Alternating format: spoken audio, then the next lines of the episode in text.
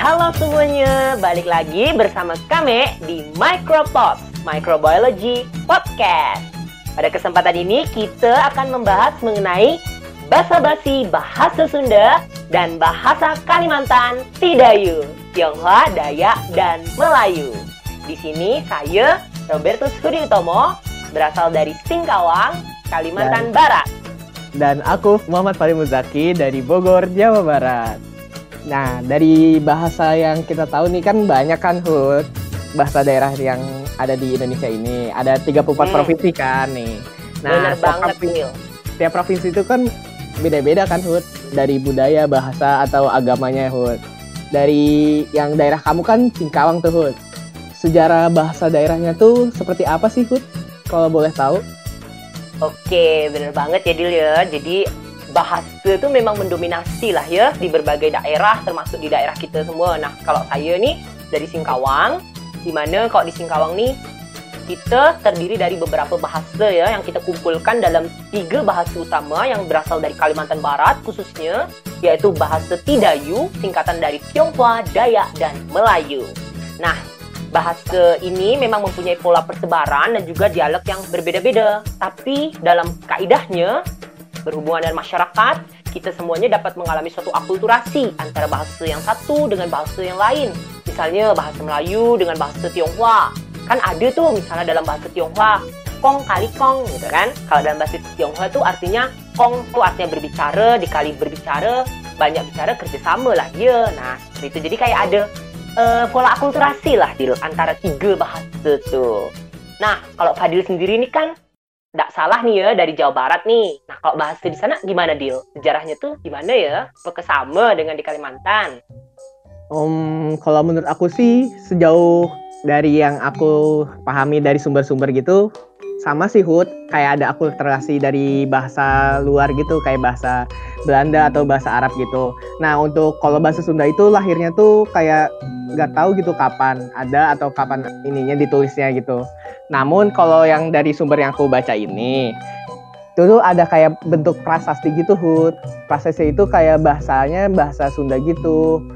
Nah ini tuh prasastinya ada di abad ke-14 dari sini kita tahu kan bahasa Sunda itu nggak ibaratnya bisa dibilang sangat lama lah. Jadi bisa dibilang bahasa Sunda merupakan salah satu bahasa tertua di Indonesia. Menurutku seperti itu sih Hud. Wah, ternyata di Sunda tuh itu ya Dil ya. Berarti dari prasasti, kemudian diinisiasi, kemudian bahasa itu udah memang udah tertua di situ. Kemudian aku nih pengen tahu Dil, kalau di Sunda nih apakah bahasa nih, penggunaan bahasa nih ada hierarkinya. Kayak misalnya ketika kita berbicara dengan orang tua, bahasanya beda ke? Apa kita bicara dengan kawan kita, apakah beda ke? Gitu. Apakah ada pola hierarkinya, Dil, kalau di bahasa Sunda, Dil? Untuk hierarki itu kayak misalnya kayak bahasa ini cocok untuk dipakai pas kapan gitu ya, Hut ya, maksud kamu? Ya, betul banget, Dil.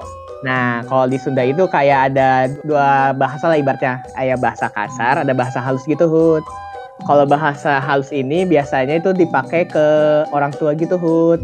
Misalnya, um, kata halus tuh misalnya kalau ngomong orang tua. Nah, orang tua itu kalau secara halus itu biasanya sepuh atau apa gitu. Nah, kalau secara kasarnya, kalau orang tua itu biasanya dipanggilnya kolot atau apa gitu. Kalau yang lain nih, misalnya kalau yang secara dasarnya kata dasarnya misalnya aku. Nah, aku di bahasa halusnya Sunda itu misalnya abdi. Kalau di bahasa kasarnya itu misalnya aing atau apa. Nah, mohon maaf ya ini sebenarnya. kalau di Sunda sih gitu sih, Hud. Jadi antara bahasa halus sama bahasa kasar tuh beda. Misalnya kalau bahasa kasar yang aku udah jelasin kan kalau bahasa halus kan itu untuk percakapan dengan orang tua atau orang yang lebih tua daripada kita kan, Hud. Nah, kalau bahasa kasar itu biasanya dipakai untuk percakapan dengan seangkatan lah seangkatan sama kita atau seumuran sama kita gitu Hud. Misalnya kayak aing badai ke mana gitu. Kalau ke orang tua teh misalnya abdi teh badai indit ka mah gitu kumaha gitu. Namun bahasa Sunda sih gitu Hud. Kalau di Kalimantan sendiri itu dari segi percakapannya itu beda-beda atau sama kayak Sunda tadi Hud? Ada perbedaan atau ada persamaan gitu? Wah, menarik juga ya. Berarti kalau di Sunda nih ada hierarkinya ya. Jadi ketika kita bicara dengan orang tua, apa nak kita cakap, kita cakapkan lah ya dengan orang muda apa yang kita cakapkan. Oke, kalau di Kalimantan sendiri, Dil, uh, secara pembagian kompartimentalisasi bahasa tuh tidak secara tertulis secara alhasil gitu. Artinya dalam bahasa uh, yang digunakan di Kalimantan itu biasanya memang kita tidak melakukan suatu perbedaan bahasa. Jadi ketika kita bicara dan siapa atau siapa, tapi memang lebih ke bagaimana kita mengucapkan intonasinya. Gitu. Hmm, Jadi memang ketika ya. kita berbicara dengan orang tua, nah kita mungkin ngomongnya lebih halus, misalnya mak mau ke mana atau mak nak ke mana gitu. Atau kita bicara dengan teman kita, weh nak ke mana kau tuh, ah kan? Jadi apa ya lebih ke intonasi. Kalau secara apa pembagian bahasa sopan dan tidak tuh lebih kepada tidak tertulis secara jelas, namun kita lebih ke bagaimana intonasi kita cakap ke orang tuh. Oke. Okay. Oh. Nah kalau di Jawa Barat nih Dil, aku nih penasaran nih.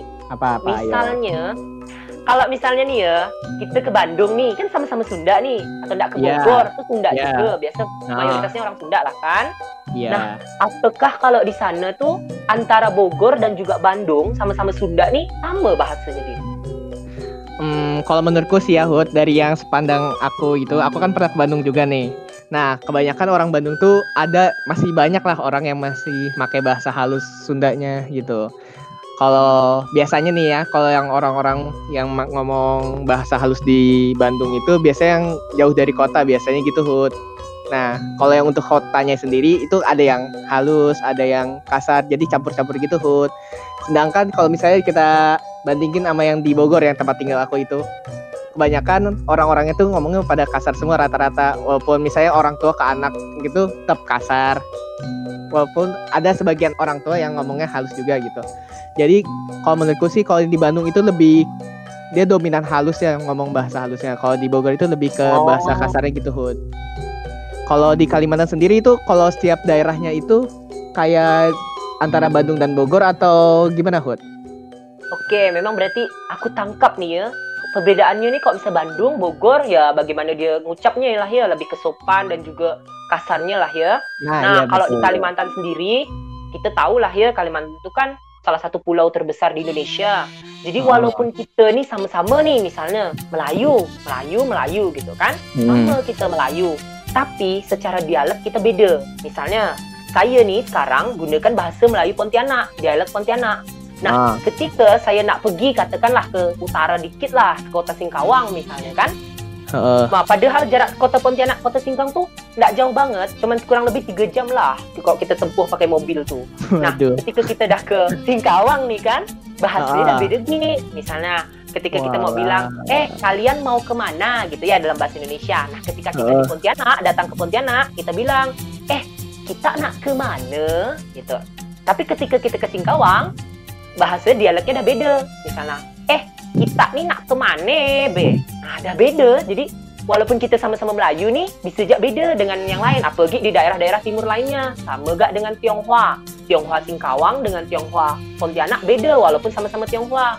Kalau misalnya juga Dayak apalagi Dayak banyak suku-sukunya kan? Jadi pembagiannya uh. misalnya ketika di Pontianak banyak Dayak Ahe atau Kanayat nah ketika kita ke Singkawang ada banyak Dayak Badamio walaupun sama-sama kita di daerah Dayak tapi kita tidak belum tentu tahu bahasa yang misalnya di Singkawang, Dayak Singkawang dengan Dayak yang di Pontianak gitu. Jadi lebih ke bahasanya itu memang beda-beda deal kalau di Kalimantan tuh.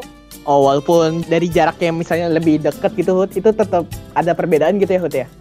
Antara iya bisa gitu. Oh. Jadi biasa kita tuh pakai sistem pisah sungai kalau di Kalimantan tuh ya. jadi kalau sungai ini, ya jadi karena kita tahu lah ya kalau Kalimantan nih memang uh sungainya Banyak tuh tak jadi uh, jadi dari sebahasa pun dah beda-beda lah ibaratnya kayak gitu. gitu.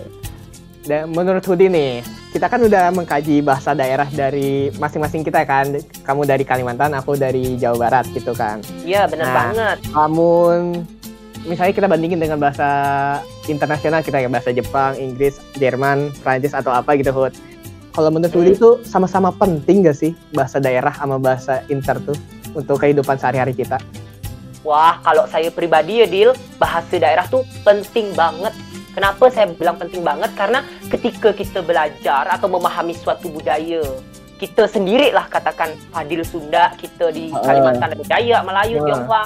Nah kita tuh bisa tahu tuh loh diri kita kayak seperti apa. Oh, nah macam itu. budaya Nah, nah gitu ya. Iya, lebih ke budaya. Kemudian ketika kita katakanlah kita sekolah ke Jawa, ke, ke Iya. da- daerah Jawa Barat atau ke Jogja gitu kan, semakin Oh. kita mem- mempelajari bahasa mereka nih, pastikan orang-orang akan semakin menghargai bahwa kita tuh ada dan mau menghargai bahasa mereka.